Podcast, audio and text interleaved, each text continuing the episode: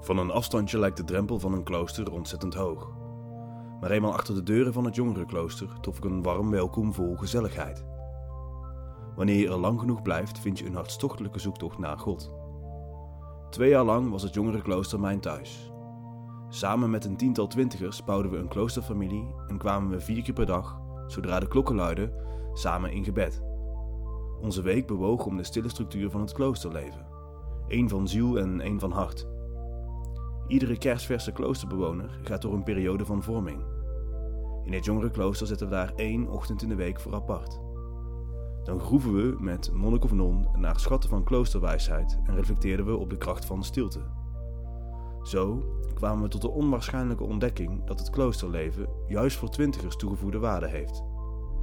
Ik ben Tim en samen met Mirjam nodig ik je uit om één uur in de week apart te zetten, om dwars door de wonderenwereld van kloosters op zoek te gaan naar God. Hallo, welkom bij weer een nieuwe aflevering in de serie Bronteksten van de podcast van het Jongerenklooster. En we hebben vandaag een hele, hele, hele speciale aflevering om twee redenen. Allereerst, de plek waar we zitten is echt grandioos. Het is namelijk het nieuwe Papabram Jongerenklooster.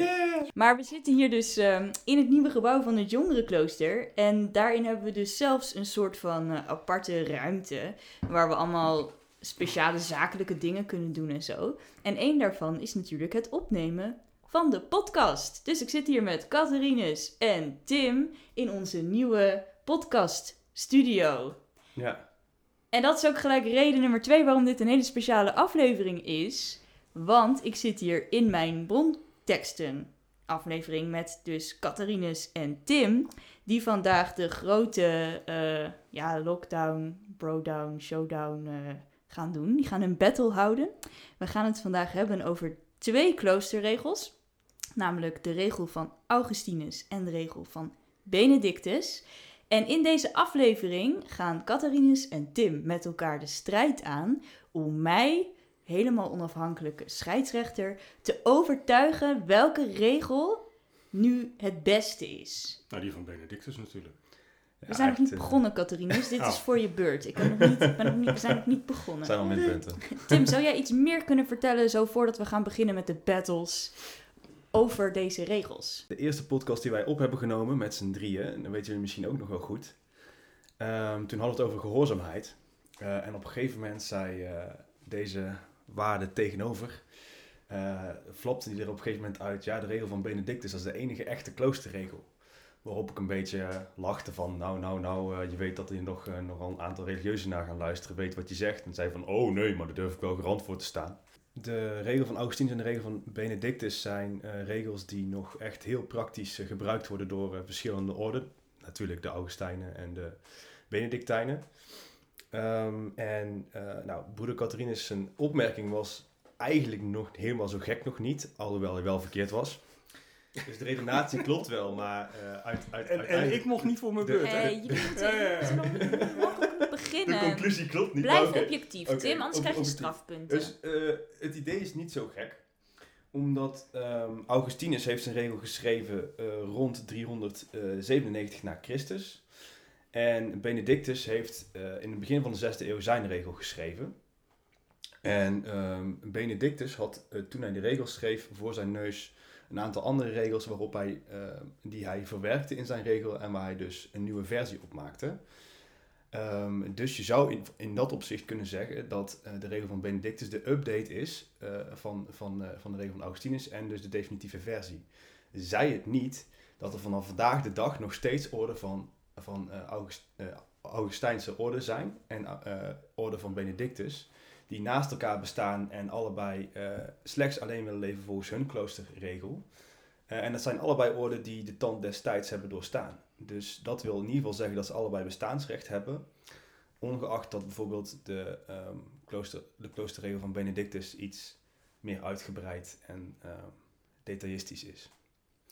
Ehm, en ja, het zijn allebei dus hele belangrijke bronnen voor, eh, voor de kloostertraditie. En vandaar dat we eh, dit seizoen willen concluderen met een soort van eh, ludieke battle.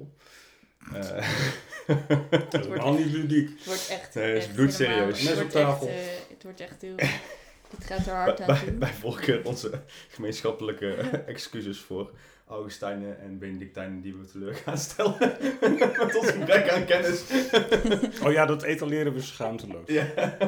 Oké, nou, eh, eh, mannen... Als, je, ehm, wacht, als je toch Augustijn of Benedictijn bent en je denkt, dit kan echt niet, dit moet een keer beter. Neem contact met ons op. Welkom met Jongerenklooster. Ja, dat doen we met z'n seizoen. gaan, Ja. dan gaan, we, gaan we volgende keer gaan we dan een echte battle doen tussen Volgend een echte seizoen. Benedictijn Ja. en een echte Augustijn. Eh, Mag je ons opvoeden? Ja, dus precies. Eh, maar dit is dus even de, nou, het opwarmertje daarvoor. Ja. Ehm, ja, en ik, ik denk dat het... eh, eh, ik ga even de spe- de spelregels uitleggen. Eh, we gaan zo meteen beginnen met ehm, dat jullie één minuut de regel mogen pitchen.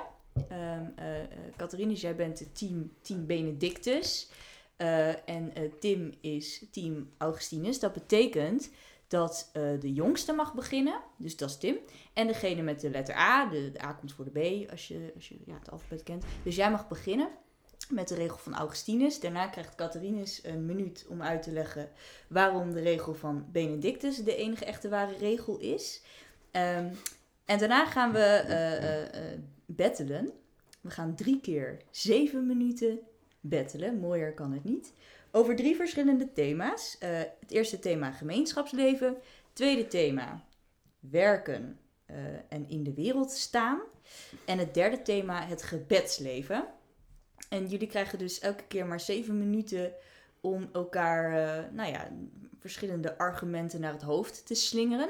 En daarna, na dus die pitch en dus die drie keer zeven minuten, zal ik als geheel onafhankelijke scheidsrechter, want ik heb de regels allebei niet gelezen, eh, bepalen welke regel dan, ehm, ja, eh, nou, wie er wint. Maar misschien ook welke regel voor nu nog wel het meest relevant is voor, eh, voor onze jongeren van deze tijd. Ja, daar gaat het dus eigenlijk om.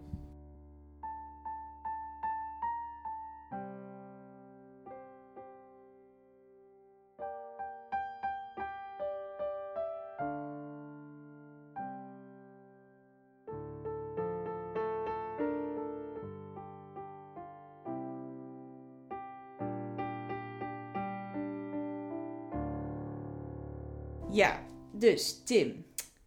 Wil Oh, jij, eh, jij mag beginnen met, je, met jouw 1 minuut pitch. Ik heb een timer. Eh, ik laat hem even zien. Kijk, dit is de timer. Ik Eh, zenuwachtig ja, te worden.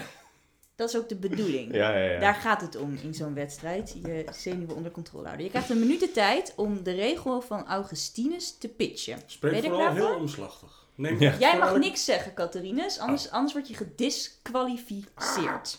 Ja, ik ben heel streng. Ik tel, ik tel af. Nog. Van drie natuurlijk. Oké, Die van zeven? twee, één en je minuut gaat nu in. Oké, dan begin ik eh, bij eh, de tweede eh, regel die eh, in de regel van Augustinus staat. Daar staat, allereerst moet u eensgezind tezamen wonen, één van ziel en één van hart op weg naar God. Want is dat juist niet de reden waarom je samen bent gaan leven? Ehm, dit is eigenlijk in een notendop waarom de regel van Augustinus mij zo erg aanspreekt. Ehm, omdat het, eh, het wijst iedere keer weer naar de bron. Waarom gaan jullie samen leven? Waarom ga je dit samen doen? En in mijn tijd in het jongerenklooster eh, is het echt een gemeenschap geweest die eh, een grote toegevoegde waarde is geweest in mijn kloosterzoektocht en in mijn geloofsleven. Ehm, je hebt elkaar nodig, je hebt broeders en zusters nodig. En Augustinus die wijst er elke keer weer naar terug. In de regel van Augustinus zie je ook dat gemeenschap heel hoog bovenaan staat. Ehm, en dat wil natuurlijk niet zeggen dat dat zich niet door laat eh, trekken op individueel niveau. Oh, dat meen je? Ja, je hebt nog vijf seconden. Shit. dus eensgezind, eh eh onverdeeld- Wow, dat Shit. gaat hard. Oké, nou. gemeenschapsleven is genoeg. Ik heb een argument gemaakt. Oké, nou dat was, eh, was een fantastische pitch, Tim. Ik kan je. niet anders zeggen.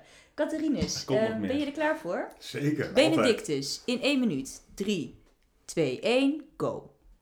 Nou, dan lees ik ook maar een stukje. Ook uit de, het begin van de regel. Benedictus opent met luister, mijn kind, naar de voorschriften van je leraar en spits het oor van je hart. Alleen die taal al. Hier is een dichter aan het woord. Mijn betoog is gericht tot jou, wie je ook bent. En dat, dan, hij maakt dat heel persoonlijk. Dus Augustinus die heeft een of andere vage groep voor zich. Van, van allemaal. Maar Benedictus die gaat recht op de man af. En die zegt: Ik moet jou hebben. En ik wil jou leren hoe je dat nou doen moet. En, en hij, weet, hij weet hoe moeilijk dat is, dat samenleven. Die Benedictus. Heeft hij, hij, hij was zelf misschien wel liever kluizenaar gebleven op zijn eentje.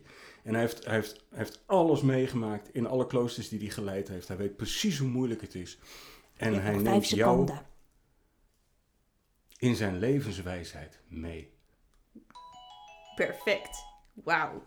Nou, dat, uh, nou, voor de timing krijg je wel een bonus. Ik ben echt ongelooflijk tevreden over mezelf nu. Maar dat mag niet van Benedictus.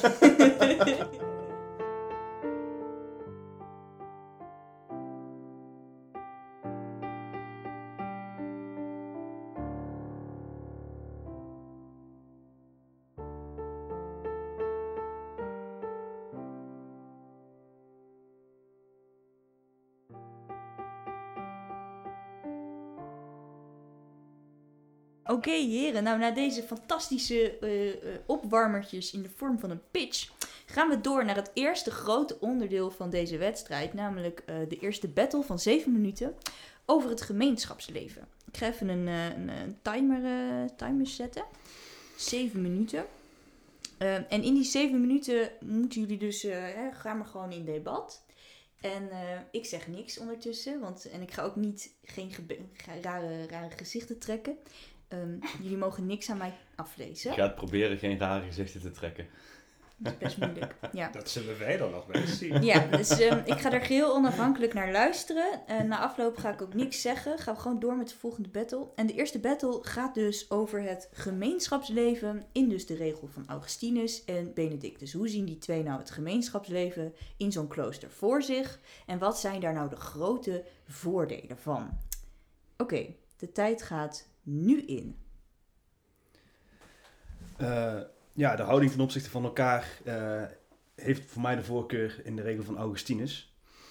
Uh, omdat Augustinus um, op een gegeven moment ook aandraagt van je bent verantwoordelijk voor elkaar, je bent verantwoordelijk voor elkaars zuiverheid en je draagt elkaar. Je bent een gemeenschap, je bent broeders van elkaar als ik dat naast mijn ervaring in het jongerenklooster uh, leg, dan merk ik dat als het met mij of met een ander broer of zusje niet zo lekker ging, dat we elkaar meetrokken naar het gebed en weer mee terugtrokken uh, op die weg naar God. Um, en dat staat een beetje in schril contrast tegen Benedictus, um, die zegt van een broeder zal nooit een andere broeder uh, verdedigen. die zegt na het nachtgebed, na, na de complete, dient er ultieme stilte te zijn. Het grote streven uh, in een Benedictijns klooster is absolute stilte de hele tijd. Um, dus niet het je broeder helpen, je broeder meetrekken, maar echt iedere keer weer terug naar, die, naar het individualisme. En als jij problemen hebt, dan zoek jij het zelf uit uh, uh, op weg naar Christus. En de mooiste momenten in mijn beperkte twee jaar kloosterleven zijn de gesprekken met mensen geweest die mij dichter bij God hebben gebracht. en het zorgen onderling, onderling voor elkaar en de gemeenschap die daar dus iedere keer in meetrekt. Maar geliefde broeder Tim, ja. een van de belangrijkste lessen die je daar geleerd hebt, was van mijn... was van jou? nee, niet van mij. was van mijn, mijn grote Benedictijnse broer Thomas Kwartier. Aha. Die ons de beginselen van kloosterleven uitlegde. En dat was zo bevrijdend. Hij zei, kijk op je eigen bord. Weet je dat nog? Dat weet ik, ja. Dus hij... Uh, uh, dat was net in de tijd dat wij allemaal heel goed voor elkaar aan het zorgen waren en die gemeenschap aan het opbouwen mhm. waren en ook ontdekten hoe ongelooflijk ingewikkeld dat soms is. Want mhm. ehm, bijvoorbeeld, je, je ziet wel wat er met een ander aan de hand is, maar je kan een ander zijn ding vaak niet oplossen. Mhm. Ehm, of, je, uh, uh, of er ontstaan ergernissen. Uh, dus dat gemeenschapsleven is ontzettend complex. En dan zegt Thomas vanuit zijn Benedictijnse wijsheid als kloosterles. Kijk op je eigen bord. Ja, en, en stel niet te veel vragen. Mhm. En maak jezelf nuttig voor de gemeenschap. Met andere woorden, ga iets uh, toevoegen. Maar, maar dat, um, uh, dat, uh, dat, dat je niet allereerst gericht bent op wat die ander allemaal goed of fout doet, dat is misschien wel het behoud van je gemeenschap. Zeker, en uh, dat is heel belangrijk. Als je net in een kloostergemeenschap stapt, dan is het goed om op je eigen borst te krijgen, jezelf nuttig te maken, niet veel vragen te stellen, omdat je eerst moet leren hoe werkt in een gemeenschap, hoe werkt in een gebed, eh, hoe zit het hier. Alleen op het moment je daarin gegroeid bent en in doorvorst bent en eh, je leeft al een tijdje met elkaar en je groeit met elkaar mee, je schaaft elkaar. Hè? En dat zijn allemaal dingen die in de regel van Benedictus minder snel voorkomen, omdat het daar veel meer op het persoonlijk is gericht. Het leven in je cel, het leven in je arbeid en het leven in de stilte. Uh, tot zo erg aan toe dat er, um, of tot zo'n extreme aan toe, dat er in uh, verschillende kloosters er lange tijd gewoon echt gebarentaal is ontstaan. Een unieke vorm van gebarentaal in kloosters. Uh, omdat gewoon simpelweg je niet op elkaar lette. Dus ook, je, je keek elkaar niet per se direct in de ogen aan. Je was compleet gericht met je kap op, op jezelf en op God. En voor mijn gevoel mis je dan echt iets cruciaals in het kloosterleven, namelijk de ander waarin je ook God uh, kan ontmoeten en die je ook kan scherpen en schaven. En dat heeft niet alleen plaats bij een kapittel, bij een vergadering, bij een huisvergadering op de maandag of welke dag je daar dan ook voor kiest. Maar dat, is, dat heb je in gesprekken onderling en in je hele klooster, uh, kloostertijd eigenlijk. En wat uh, Benedictus daaraan toevoegt, is dat jij zegt van ja, op een gegeven moment ben je gevorderd. En Benedictus zegt nee, je ja. blijft een beginneling. Dus ga nou elke keer terug naar die basis. En, en, uh, dus hij, hij geeft een regel waarop je kan terugvallen. Dat is, dat is echt stevige grond als het even allemaal misloopt. Zeker, en dat is ook echt van cruciaal belang. Maar, uh, en dat zijn goede momenten om iedere keer naar terug te keren, maar je moet daar niet in blijven zitten. Je moet op een gegeven moment wel naar buiten treden en weer opnieuw dat, dat gesprek aangaan, die dialoog aangaan en uh, die conversatie met elkaar aangaan. Uh, omdat je daardoor ook gegroeid wordt. En als het dan even niet goed gaat en je maakt je te druk om een pindakaaspotje dat op de verkeerde plek zit, dat zijn allemaal dingen die in kloosters voor kunnen komen. Natuurlijk, dat is, uh, dan moet je weer terug naar, oké, okay, waar ben ik eigenlijk mee bezig? Kijk mijn eigen borst, stel niet te veel vragen, zeg maar, die basis. Maar op een gegeven moment dan is alles weer gekalmeerd en dan ga je weer dat gesprek, omdat je door, toch door die wrijving ook krijg je glans. Zo. Mooi citaat hoor, dat uh, schrijving door glans. Ja, ja, ja. Um, ja je zegt mij onder druk, dan komen zulke gekke Mag ik jullie zo over dit onderwerp, hè, in, in de laatste anderhalve minuut vragen um, ja. op dit punt, hè, gemeenschapsleven. Wat, wat hebben wij als jongeren daar nu vandaag de dag voor les aan? Tim, mag ik jou als eerste het woord geven? Um, uh, probeer het niet allemaal alleen te doen. Uh, zoek de ander. Uh, de ander met een hoofdletter, maar ook de ander met een kleine letter. Benedictus zelf zegt, uh, iedere gast die aan de poort komt, dan moet je, moet je behandelen alsof het Christus zelf is. Dus vind het beeld van Christus in die ander. Maar dat is Benedictus. Dat is Benedictus. Ja, maar Benedictus hiermee is, dit eigenlijk hiermee is toegegeven dat, dat, dat Tim eigenlijk ook voor Benedictus is. Dus, dus dat, uh, Daar doe ik geen uitspraak over. dat punt wil ik dan even Ja, gemaakt maar hebben. Benedictijnen komen de poort helemaal niet uit. Dus Kijk. die, uh, Um, daar zit winst in, Tim. Juist in die wereld van vandaag en juist voor jonge mensen. Omdat je uh, uh, in jouw jonkheid, zou ik willen zeggen, ik ben 51, dus ik mag een beetje oude lullerig doen. Maar je bent heel erg geneigd om naar anderen te kijken. Om te bepalen wie je bent, om te bepalen wat je doen moet. En je bent heel gevoelig voor groepsdwang en, um, en dat soort dingen. En Benedictus zegt geen ruk mee te maken. Het is tussen Wow. jou en God. Hij zou het iets anders zeggen. Dat, geef ik onmiddellijk toe. Oké, sorry. Nou, dat hebben jullie eh, netjes gedaan. Ik moet eh, complimenten voor hoe jullie elkaar niet in de haren vliegen. Eh, daar kan menig tv-debat nog wat, eh, wat van opsteken. Ik vind het wel jammer dat die regels zo dun zijn. Want ik zou Ja, Tim graag een klap dunne- verkopen met een heel dik boek. Maar dat hebben we gewoon niet. geen bedreigingen uit hoor. Nee, Geen fysiek. Hier ligt trouwens een bijbel. eh, Oh, Meerdere. ja. Ja, dus dat is wel- Maar dat klopt, die regels zijn inderdaad helemaal niet zo heel, heel dik. Des te meer reden om hem gewoon eens te lezen. Je kan hem overal vinden op internet.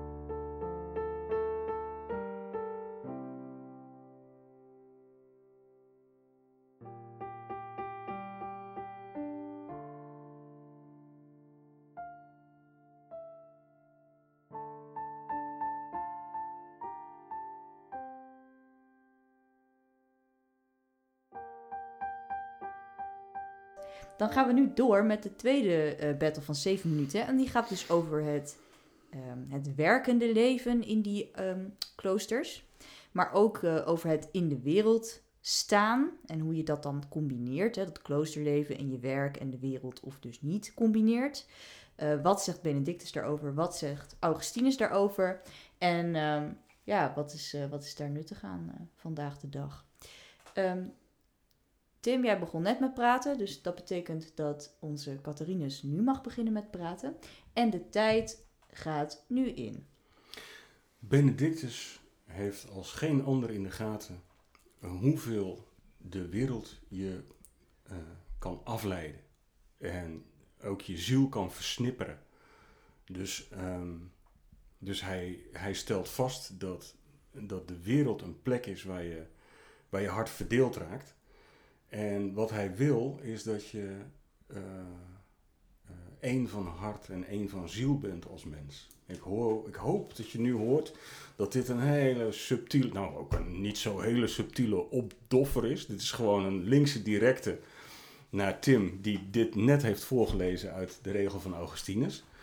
Maar, maar Benedict, Augustinus is van het één van hart en één van ziel zijn als gemeenschap. En Benedictus wil, wil die monnik zelf uh, een onverdeeld hart gunnen. En om dat onverdeelde hart te bewaken, moet je je werk met een bepaalde houding doen. Moet je, of je nou, en dat maakt eigenlijk niet uit of je nou iets heel ingewikkelds uh, aan een universiteit aan het doen bent, of je bent gras aan het maaien. Uh, oh. Dat kan allebei gebed zijn.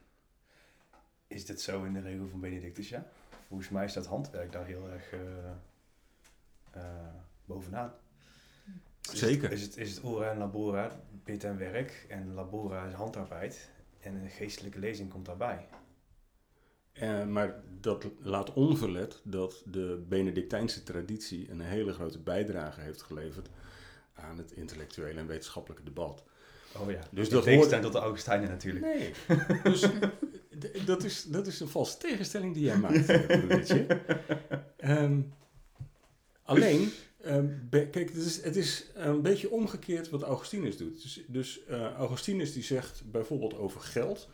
jongens, jullie moeten allemaal je bankrekening inleveren en, um, uh, en, en, ieder, en niemand mag zich laten voorstaan op hoe rijk hij was vroeger in de wereld.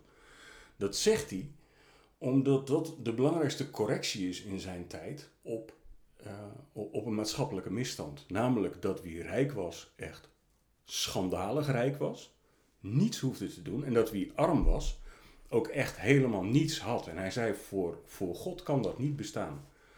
En Benedictus, die, uh, uh, die brengt een correctie aan dat weliswaar dat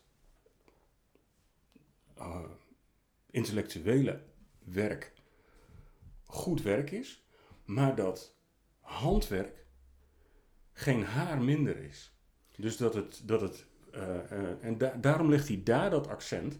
Ja om te zeggen, jongens, als jij, als jij een, een, een, een meubel aan het maken bent en je bewerkt daar het stuk hout voor, dan uh, dat is net zo goed gebed. Dat is net zo goed. Nee, nee, zeker. Dat, dat, dat ben ik met je eens. Maar zeg maar de sideguides, de, de tijdgeesten erbuiten gelaten. Want het zijn natuurlijk regels die de tand des tijds hebben doorstaan. Dus die hun, hun tijd hebben uh, overstegen. Um, Augustinus is het in het werk ook vooral te doen om de gemeenschap te dienen. Uh, dus waarin Benedictus um, uh, mensen die een beetje trots zijn of, of blij zijn, vreugde voor arbeidsvreugde ervaren en denken van, oh, dit is wel fijn voor het klooster. Dan is er volgens Benedictus meteen iemand, de abt die moet zeggen van, oké, dit, is, dit is te ver, je bent nu te trots, dit mag jij nooit meer doen, zo ver gaat het. Dus wat je nu hebt gedaan, je, gaat nu, je hebt nu misschien een proefschrift geschreven, nu ga je aardappels schillen, want je bent te trots. Dit is helemaal verschrikkelijk en die haalt, hem uit, die haalt zo'n zo iemand, zijn broeder uit een talent weg. En uh, nou, uh, in sommige gevallen voor de rest van zijn leven. Dus niet even een time-out, maar het is helemaal klaar. Dat staat letterlijk in de regel van Benedictus. Terwijl Augustinus zegt, um, dien, laat het de gemeenschap dienen. Dus wat je doet, je hebt geen gemeenschappelijk bezit. En alles wat jij uh, doet, ook in, in nederigheid, in dezelfde houding als wat Benedictus betoogt. Alleen, um, doe dit voor de gemeenschap. Dus de opbrengst voor de gemeenschap doet in alle nederigheid. Um, en acht de gemeenschap hoger dan jezelf. Jouw werk is een vorm van dienen, is een vorm van Christus dienen. En is dus een vorm van de gemeenschap dienen, een vorm van voetenwassing. En dat is waarom Augustinus uh, hier bij mij ook de voorkeur verdient. Heb jij ooit overwogen om je bankrekening in te leveren? Ehm, nou ja, eh, herhaaldelijk, want er staat niet zo heel veel op mijn bankrekening. Ja, en je bent nog niet aan het pensioen sparen. Dat scheelt ook. nee, maar je wil zeggen dat hoeft bij de Benedictijnen niet. Nou, nee, maar dat, dat- moet bij beide. Dus als je, als je intreedt in een, in een klooster, dan deel je dus alles samen. Ja, En dan verdien je dus, dat is misschien wel een misverstand, dan, dat mensen dan denken van, oh, maar dan ga ik in een klooster en dan wordt er voor mij gezorgd. Dat is niet zo. Je moet, ja, ieder klooster moet zijn eigen broek ophouden.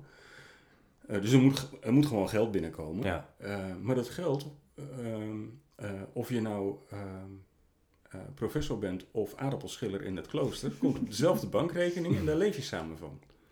Ja, ja. Maar dat heeft niet, ja, dat klopt, maar dat is in beide, ja. Dus, eh, Maar dat vind ik nog wel een radicaliteit die. eh, ja, ja, maar goed. Daar, zou- daar zou ik nog. Ik zit me wel af te vragen hoe ik dat, hoe ik dat zou moeten vertalen. Ik Ja, weet bijvoorbeeld dat, de dat de Augustinessen ehm, eh, eh, eh, graag naar een tweedehands kledingwinkel gaan. Ja, Augustinus die schrijft dan voor om. eh, eh, dat, dat je, die hebben allemaal, je hebt allemaal dezelfde pij en je draagt hem ook van elkaar. Nou, dat lijkt me echt ultiem smerig. Dus ik zou niet. eh, de- alleen al daarom zou je nooit Augustijn moeten worden. maar ehm, hey, Augustinus die altijd met zil- ja, ik, hoop, hè? ik hoop gewoon dat dit. Kijk, we hebben een vrouw aan tafel en die gaat scheidsrechter zijn. Dus ik, ik hoop dat ik dit argument gewoon een beetje. Nou, beetje Nadia pushen. Kroon die, eh, die maakt het definitief. Bij de Benedictijnen kan er dus een, eh, en de Augustijnen kan, bij de Augustinus kan net ietsje meer. Dus je kunt iets meer voor je gasten uittrekken. Je kunt zilveren bestek, je kunt ehm, iets meer in luxe leven. En in, bij Benedictijnen en, en vooral Cisterciënsers natuurlijk, die daar de overtreffende trap eigenlijk weer van zijn. Excuus als ik iemand eh, tegen zijn tenen schop, maar even in mijn beleving.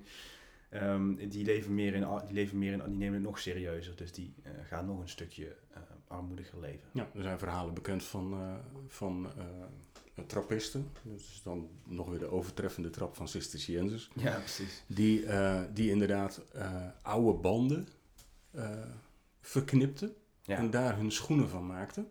En die Oh, moest ja. je dan ook nog op een bepaalde manier dragen. Want dan sleten ze aan de ene kant gemiddeld net zo snel als aan de andere kant. En dan kon je er langer mee doen. Oké, met die. eh, nou ja, Oh, daarmee gaan we afsluiten. Oké.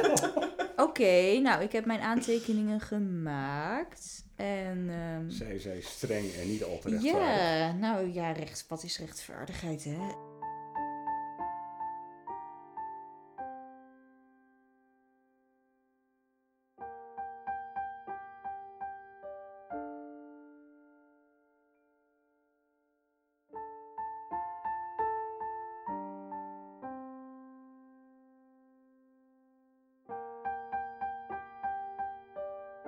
Dan zijn we alweer toe aan de laatste, laatste battle. En die gaat dus over misschien wel het belangrijkste van elk klooster.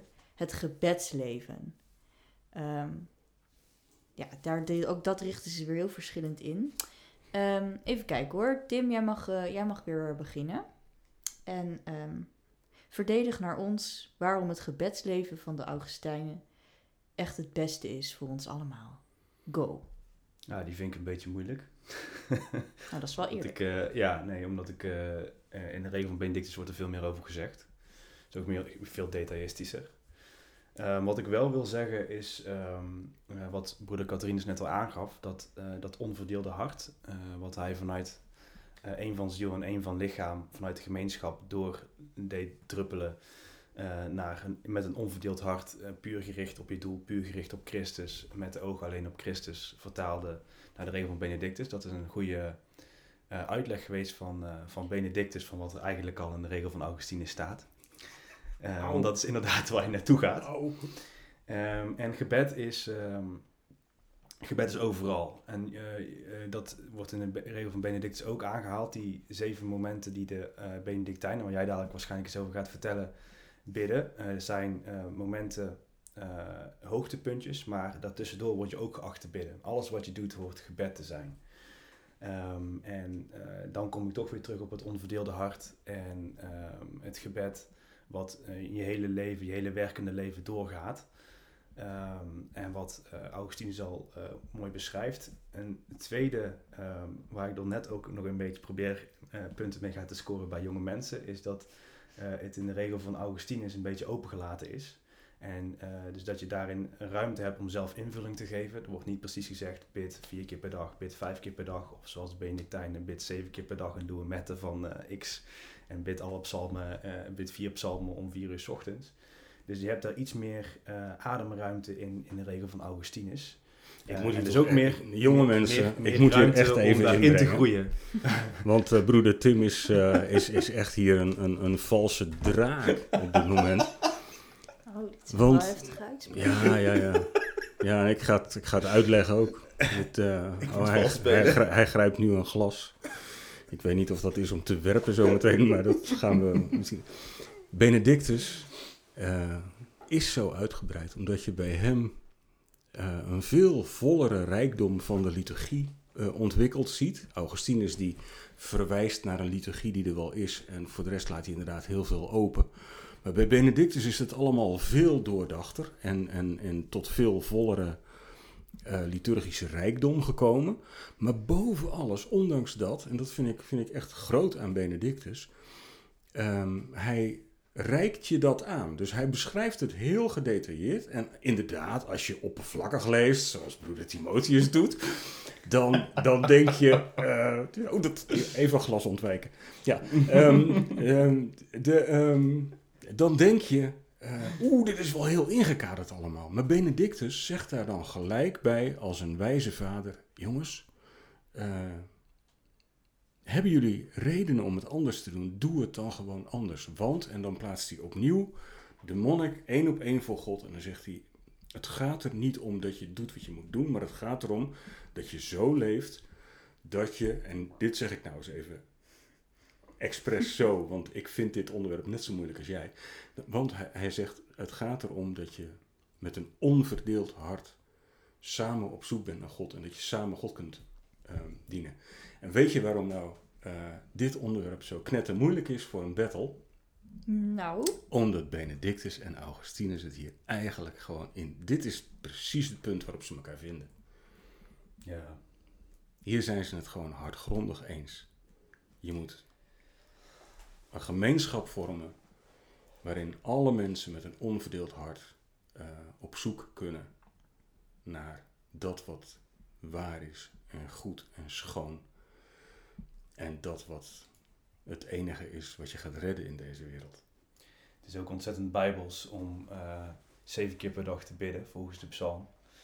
Zo uh, veel veel hoor. Uh, ja, ja, ik heb het zelf, ik vond, vind vijf keer doe ik op mijn topdagen, maar dat is wel echt heftig. Ja, moet je wel vroeg opstaan. Ehm, op retraites heb ik er wel eens, heb ik wel eens, heb ik wel eens heftiger gedaan, maar... Um, ja, nee, het is, het is echt wel veel, maar het is ook wel gewoon uh, als je zeg maar het verlangen hebt om, om, om, om als mensen bij elkaar te gaan leven en hey, we gaan dit bidden, zoals wij een beetje hadden in het begin van het jongerenklooster, wij gaan dat getijdige bed doen, dan is het heel tof om, om ook een stuk, misschien tof wel met een V, om, een, uh, om, om de psalm te pakken en zeggen, ja, we gaan het gewoon zeven keer per dag proberen en we gaan het gewoon die kaders proberen neer te zetten en proberen vol te houden. En het is dan inderdaad een wijze Benedictus die inderdaad zegt van ja, uh, als je het redt, maar als je het op een andere manier wil doen, of, of als de liturgie anders moet zijn en je hebt een goede reden voor, dan doe het zomaar. Um, en ik denk zeker dat daar. Um, ja, en het is misschien ook. Uh, mijn voorkeur voor Augustinus heeft ook nog een gedeelte gemaakt. Dat heb ik helemaal niet zoveel gezegd, maar dat hij. Uh, en dat is eigenlijk een uitspraak geweest voor jouw broeder. Dat hij een mooie brugfiguur is tussen protestanten en katholieken. Omdat zowel protestanten en katholieken zijn theologie op een um, redelijk uh, vaak aanhalen. En uh, dat hij daar een mooie brugfunctie in kan fungeren tussen mensen die, die kijken van... hey, kan ik een aantal dingen uit deze traditie, deze regels proeven... en ze toepassen in mijn eigen leven, waardoor, waardoor ik zelf rijker word. Um, ja. En er is nog één groot argument voor Augustinus... en nu graaf ik helemaal mijn eigen graf, denk ik. Doen we nou? Maar oh dat moet ik helemaal niet zeggen. Als ik, als ik Tim nu was, dan zou ik nu zeggen... Oh, ja, dat mag wel. Ja? Ja, Oké, als, ik, als ik nu uh, broeder Timotheus was, dan zou ik, zou ik nu zeggen dat Tim ehm, eh, of dat Augustinus, nou dat is natuurlijk bijna hetzelfde, ehm, Alsjeblieft. eh, dat hij uit, de, uit de stad komt. Hij heeft het kloosterleven leren kennen in Rome en Milaan. Ja. En altijd in de stad waar hij bisschop was, eh, heeft hij kloostergemeenschappen gevormd en geleefd. En waarom is dat nou zo modern? Ja, omdat wij in de stad leven. De hele wereld is een dorp geworden. Iedereen heeft internet, iedereen kan overal bij. Eh, je kunt naar elk theater. We leven het leven van de stad. En eh, Augustinus eh, was iemand uit de stad en Benedictus was een kluizenaar die geroepen werd uit zijn grot om kloostergemeenschappen te bouwen. En hij deed dat met een wijsheid die na al die jaren nog steeds overeind staat. ja. Maar die stadse component, die, die is bij, eh, bij Benedictus echt afwezig. Die is er niet. Daarentegen is natuurlijk wel eh, dat hij inderdaad dat kluizenaarsleven eh gewend is. Ehm, en vandaar ook dat de hekken bij hem, de muren, heel hoog zijn. Rond de Benedictijnse kloosters. Als Benedictijn ga je ook als werk, doe je dat het liefst binnen de poort. En kom je niet veel in aanraking met de buitenwereld. Maar dat maakt dus wel weer een ideale plek om op retraite te gaan en een beetje te proeven. Ehm, en een beetje mee te leven op, die, eh, op dat gebedsritme wat we hebben. Omdat dat heel, heel eh, structureel en heel rigide is. Eh, wat tot schil contrast staat tot de steeds grotere, grotere chaos voor jonge mensen in de buitenwereld. En daar kun je dus echt even tot rust komen. En ehm, als je daar ook wat meer in wil ingraven, of bijvoorbeeld een regel van Benedictus, een van de vertalingen van de regel van Benedictus wil lezen en daar een beetje vruchten uit wil plukken, zijn dat dingen die direct ook heel bruikbaar kunnen zijn om je nou, als jong persoon eh, wat meer van die structurele rust te laten genieten ten opzichte van de chaos van de. Nou goed. Zijn we toch zo nog, vriendelijk over elkaar? Ik vind het wel echt een hele mooie afsluiting. Dat Ja. jij nou een argument maakt voor Augustinus en jij Tim voor, Ja. eh, nou ja, toch ook een beetje Benedictus probeert te promoten. Ehm, ja, nou, ik, ik moet zeggen, ik ben erg onder de indruk van jullie eh, allebei. Ehm, ik heb even wat dingetjes genoteerd hoor. Ehm, Waar hebben we dat tromgeroffel en, en, en Ja, die sorry. paukenslag en zo? Dat,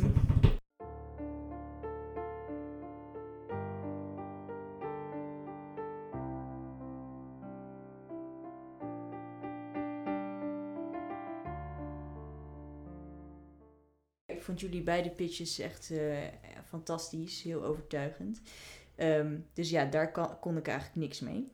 Eh, de eerste battle. mooi, mooi, zinloos. De eerste battle over het gemeenschapsleven. Eh, eh, broeder Catharinus, ik heb jou horen zeggen dat, dat, dat, dat die lessen van kijk op je eigen bord. Ehm, maar ook hè, keer, keer steeds ook weer terug naar de basis, want je blijft gewoon een beginneling. En Tim, ik heb jou voor Augustinus horen zeggen dat het veel meer bij hem gaat over hè, de gemeenschap. anderen ontmoeten, het samen verantwoordelijk zijn, ook voor elkaar. En het ook het ja, devies, doe het niet alleen. Prachtig. Ehm, ja, ja, ja, ja. Wat dat onderdeel betreft, ehm, ik vind het een fantastisch advies dat, eh, dat kijk op je eigen bord, maar ehm, nou, dat, dat doe het niet alleen. Blijf in contact met elkaar. Dat is iets waar we in de vorige podcastsaflevering al zo vaak over gesproken hebben, dat dat nu juist zo belangrijk is voor jonge mensen. Denk ik dat ik, wat het gemeenschapsleven betreft, de punten toch hier aan Augustinus eh, geef. Dus dat is alvast 1-0 voor jou, Tim. Heel goed, eh, goed gedaan. Battle 2 ging dus over het werkende leven en het over in de wereld staan. Ja, dat is nou eenmaal heel ingewikkeld, omdat de maatschappij natuurlijk ook enorm veranderd is. En we tegenwoordig allemaal Mhm. eh, verschillende beroepen kunnen hebben en zo. Ehm, broeder Katrines, ik heb jou iets horen zeggen over hè, geen afleiding. eh, zorg dat je hart niet verdeeld raakt. Dat onverdeelde hart. Ehm, ik heb je ook iets horen zeggen over schoenen en eh, rubber. Eh, en jou, eh, Tim, heb ik iets horen zeggen over geen bezit hebben. ehm, alles in dienst van de gemeenschap. Waar je eh, bij de Augustijnen toch ook iets meer luxe kan geven aan je gasten. Ja, gut, wat zullen we daar eens van zeggen voor deze, deze tijd? Ehm, ik denk dat ik daarin toch ga voor Benedictus. Ehm, omdat ik toch merk bij heel veel jongeren dat, dat die afleiding en, en ja, waardoor je hart ook verdeeld raakt, eh, maar ook het gevoel hebben dat je van alles moet, dat je je ook moet laten afleiden, dat dat goed is voor je, dat we daarmee moeten afrekenen in deze tijd. En ik denk dat daarin Benedictus misschien toch wel uh, ons het meest kan leren. Dus dat is een, uh, een puntje voor onze Benny. want dan zijn we bij de laatste battle, het gebedsleven. En daar waren jullie het nou net eens. Dat is echt heel irritant. Ehm, ik heb jullie allebei uh, daar iets horen zeggen over een gemeenschap van onverdeeldheid. Uh, dat je dus in, in een gemeenschap moet leven waardoor je ervoor kan zorgen dat je onverdeeld um, je kan richten op God. Dus met dat hele hart. Um, nou ja, Benedictus geeft natuurlijk iets meer uh, inhoud aan die zeven keer per dag. in die zin heeft hij iets meer rijkdom in liturgie. Augustijnen eh, zijn wat, uh, wat vrijer daarin. Laten dat gebed een beetje open. Geven ook ruimte om daar zelf in te groeien. Ja, maar jullie waren het eigenlijk wel met elkaar eens. Maar um, ik denk dat ik hier het puntje toch aan Augustinus geef. Ah. Um, ja, sorry. Omdat uh, ja, die, die, die, ja, dat gebed wat overal is. Je zei dat zo mooi, Tim, dat je dus ook uh, kan, kan, kan bidden terwijl je in de wereld bent. Dat vind ik heel mooi. Maar ook omdat ik wel enigszins overtuigd raakte door waar we het op het einde over hadden. Namelijk dat die Augustijnen veel meer in de stad leven. En uh, dat is natuurlijk iets wat ik als jongere kloosterling um, alleen maar kan beamen. Uh, het is altijd het doel geweest dat we weer terug zouden gaan naar de wereld. En uh, toen we dat niet gingen, hebben we gewoon het jongerenklooster in de stad gezet. Dat is precies wat we nu hebben gedaan.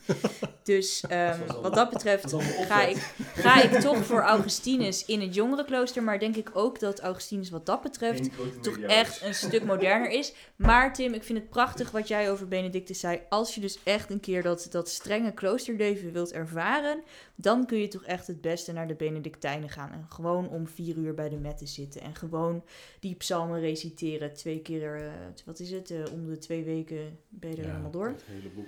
Het is een oase van rust eigenlijk. Die, Als je eh, een oase van rust wil, ga dan naar de Benedictijnen. Wil je kloosterling zijn in de stad, ga dan naar Augustinus. Eh, En laten wij als jongerenklooster dan een regel van Augustictus schrijven. Of ja, Benedictinus. ja, Benestinus vond ik eigenlijk wel een mooie. eh, dat, eh, ja, ja dat, laten we dat doen. Laten we dat doen. Ehm, dus deze battle werd officieel gewonnen door Augustinus. Ehm, door jou dus, Tim. Met op het einde zelfs nog een beetje hulp van je tegenstander. Eh, ik kan iedereen aanbevelen om de regels ook gewoon te lezen. Ze zijn echt helemaal niet zo dik. En je kan ze echt overal online wel als pdfje downloaden. Maar je hebt er ook prachtige boeken van. We hebben hier de regel van Benedictus liggen. door Met, eh, Uit, uitgegeven bij Damon en eh, met, met kanttekeningen van Thomas Kwartier en Gerrit Aarden. Dat zijn Benedictijnen. Vertaling is van Vincent Huning, topvertaler.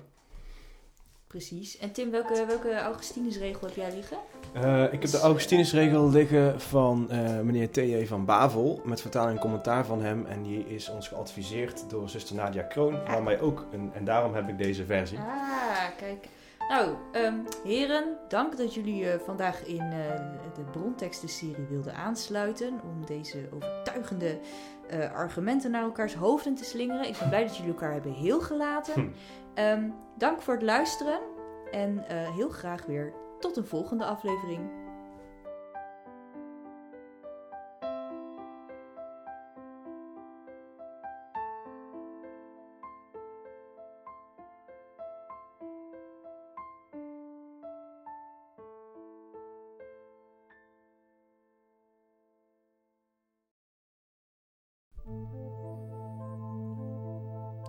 Dank voor het luisteren naar de laatste Jongerenklooster-podcast van dit seizoen. Met muziek en composities van broeder Hein. Vergeet niet een beoordeling achter te laten op Soundcloud en iTunes en ons te delen op je socials. We hopen natuurlijk op een volgend seizoen waarin we een stuk dieper in de kloosterwereld kunnen duiken. Tot die tijd kun je zelf gaan experimenteren met getijdengebeden aan de hand van ons klein getijdenboek op onze website. Voor meer verhalen en ervaringen uit het Jongerenklooster kun je terecht in ons gloednieuwe boek Kloosterkoffers wat nu in de winkel ligt. We zien jullie graag volgend seizoen.